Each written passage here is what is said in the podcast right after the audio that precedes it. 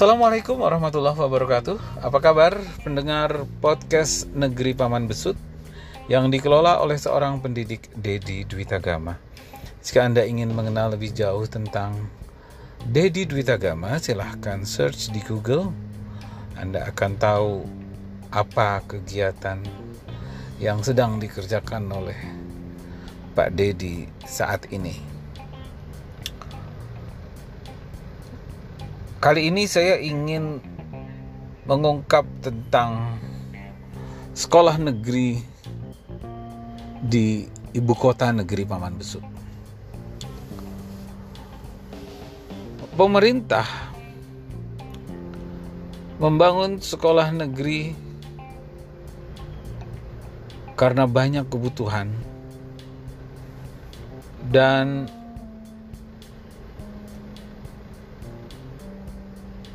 Karena kurangnya ketersediaan gedung, maka sejak dahulu kala gedung-gedung peninggalan penjajah itu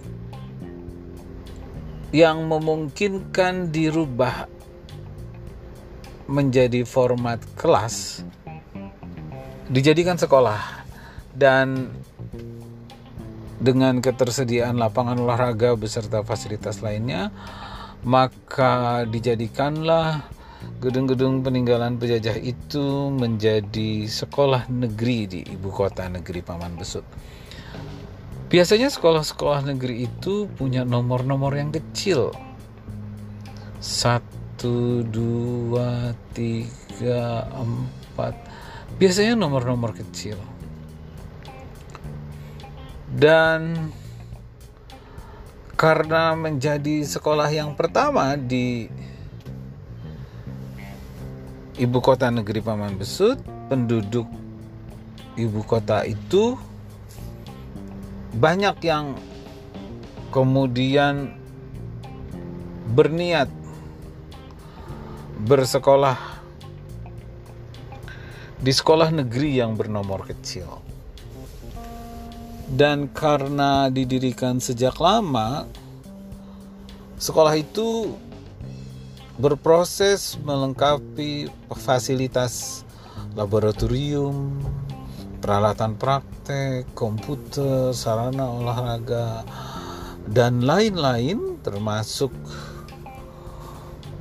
masjid, musola, tempat ibadah yang akhirnya menjadi sesuatu yang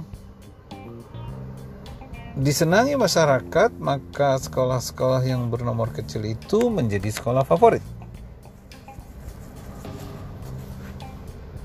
Perjalanan waktu penduduk negeri semakin banyak dan sekolah-sekolah yang didirikan itu tidak cukup lagi menampung penduduk negeri dan kemudianlah dibangun sekolah-sekolah negeri yang baru oleh pemerintah ibu kota negeri di tempat-tempat yang tersedia lahan. Ada ketersediaan lahan di tepi jalan besar, kemudian dibangunlah sekolah negeri, bahkan pernah pada masa tertentu ada paket-paket membangun sekolah sejak SD, SMP, SMA di satu lingkungan dan biasanya dulu disebut dengan SD komplek. Karena letaknya di tempat yang strategis di pinggir jalan dan itu jalan utama ibu kota negeri maka berlomba-lombalah orang tua mendaftarkan anaknya ke sekolah itu dan dalam tempo singkat sekolah itu menjadi sekolah favorit di ibu kota negeri. Ya karena sekolah baru sarananya belum lengkap. Kadang lapangan olahraganya belum ada, masjid atau musola belum tersedia laboratorium, sarana praktek komputer dan lain-lain belum mencukupi. Orang tua orang tua merasa jika hal itu dibiarkan anaknya tidak bisa dididik optimal menjadi seperti yang mereka inginkan. Makanya kemudian mereka menawarkan bantuan donasi kepada sekolah untuk misalnya pembangunan musola, pembangunan masjid, penambahan sarana praktek, peningkatan fasilitas olahraga, uh, pembuatan toilet yang representatif, pembangunan pos satpam, pintu gerbang dan berbagai hal. Mereka dengan sukacita memberikan sumbangan yang rutin per bulan karena memang kebutuhan di sekolah itu banyak sekali untuk bisa menjadi sekolah yang uh, bisa memberikan pelayanan terbaik kepada muridnya dan membuat muridnya tidak ketinggalan zaman dengan peralatan praktek-praktek uh, mutakhir, komputer-komputer terkini dan termasuk jaringan internet. Nah, masyarakat tahu bahwa di sekolah itu orang tua bersepakat untuk uh, menyumbang secara rutin dan jumlahnya tidak sedikit. Bahkan ada yang hingga harus memberikan sumbangan berjuta-juta kepeng setiap bulannya dengan sumbangan awal tahun saat masuk misalnya puluhan juta kepeng tapi mereka orang tua tidak keberatan karena output yang didapatkan hasil pendidikan anaknya itu menjadi sosok manusia dewasa yang diharapkan oleh orang tuanya. Dan kemudian guru-gurunya pun oleh pihak sekolah dikursuskan atau dipilih guru-guru yang berkualitas baik, diberikan amunisi peralatan yang bagus, insentif untuk kursus, penyediaan buku-buku sumber belajar dan lain. Semuanya itu butuh biaya yang uh, uh, pemerintah negara tidak cukup mendistribusikan biaya ke sekolah atau ada kendala administrasi sehingga uh, distribusi anggaran agak lambat Orang tua inginnya cepat karena tiga tahun itu tidak lama anak-anaknya sekolah di sekolah lanjutan. Akhirnya tumbuhlah sekolah favorit itu di ibu kota negeri Paman Besut. Tidak bisa dihindari. Dan semakin lama biaya untuk masuk sekolah itu makin mahal, termasuk sumbangan rutin bulanannya itu juga semakin mahal. Tapi masyarakat suka. Dan keluarga yang tidak mampu. Tidak berani masuk sekolah favorit itu. Karena tahu ada biaya yang harus dibayarkan cukup mahal. Nah, era demokratis berjalan, para wakil rakyat menyuarakan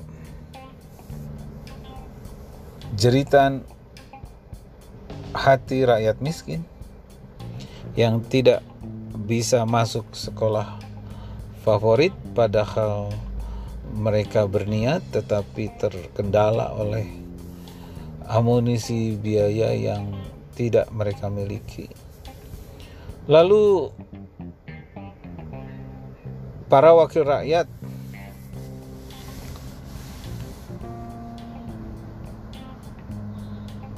mengatur birokrat pemerintah daerah untuk menggratiskan sekolah.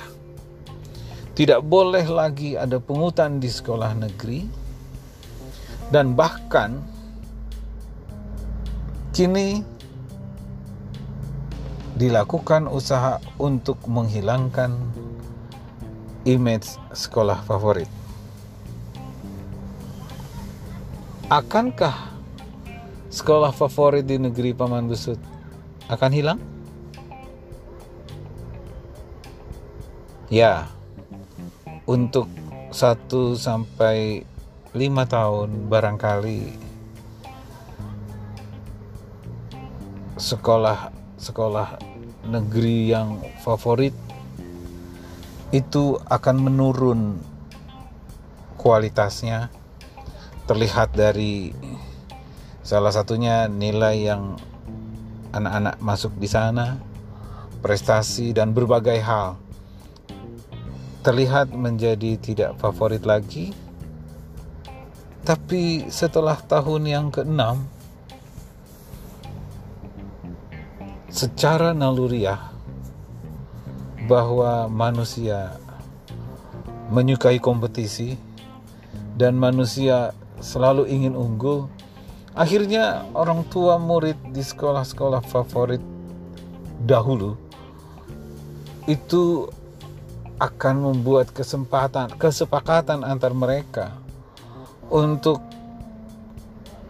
memberi dukungan yang diperlukan agar kualitas pelayanan dan berbagai hal di sekolah itu naik levelnya dari yang mereka rasakan saat itu. Dan karena itu kesepakatan orang tua, pemerintah daerah tidak bisa menolaknya.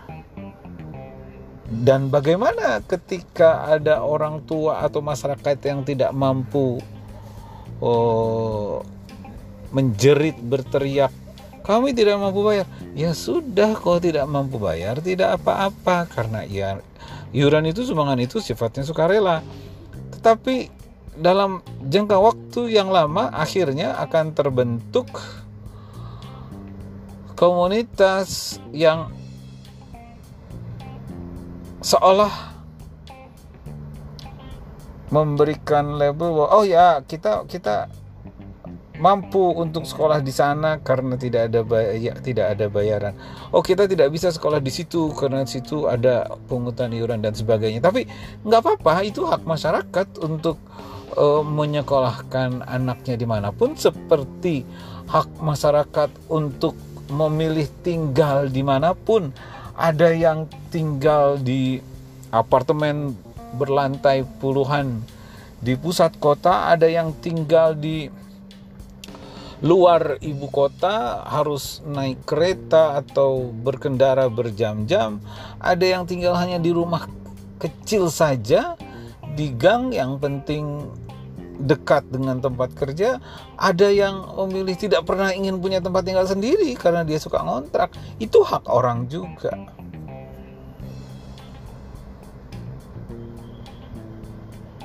Secara naluriah manusia punya kompetisi dan manusia ingin selalu unggul dan itu tidak bisa dihambat karena alasan hak asasi manusia karena untuk mendapatkan sekolah yang baik itu juga menjadi hak asasi manusia. Demikian juga di negeri Paman Besut, akhirnya akan ada sekolah-sekolah negeri yang semuanya gratis, murid tidak bayar, bahkan sekarang pun sebenarnya ada sekolah negeri di negeri Paman Besut yang gurunya harus iuran mengumpulkan sumbangan yang diambil dari gaji mereka untuk memberikan seragam kepada murid baru yang masuk di sekolah mereka karena mereka melihat ada praktek di sekolah lain yang memberikan seragam kepada murid baru itu sekolahnya didatangi oleh banyak pendaftar dan muridnya jadi banyak sekali. Karena ada pemberian satu style seragam baru untuk anak yang mendaftar. Dan awalnya sekolah negeri itu tidak melakukan uh, pemberian seragam kepada murid di sekolahnya masyarakat jadi enggan mendaftar ke sekolah itu apakah nanti di negeri Paman Besut termasuk anak yang sekolah mendapatkan seragam dari sekolah? Kalau Anda guru, maukah Anda mendonasikan uang yang Anda punya bersama-sama guru satu sekolah Anda untuk dibelikan seragam dan disumbangkan kepada murid baru agar sekolah Anda tidak kekurangan murid dan tetap diminati masyarakat. Sekian dulu tentang sekolah favorit di negeri Paman Besut. Sampai jumpa di edisi podcast berikutnya. Saya Dedi Dwitagama mengucapkan terima kasih atas berkenan Anda mendengarkan podcast Negeri Paman Besut. Semoga bermanfaat. Sampai jumpa di edisi podcast berikutnya. Salam sehat. Assalamualaikum warahmatullahi wabarakatuh.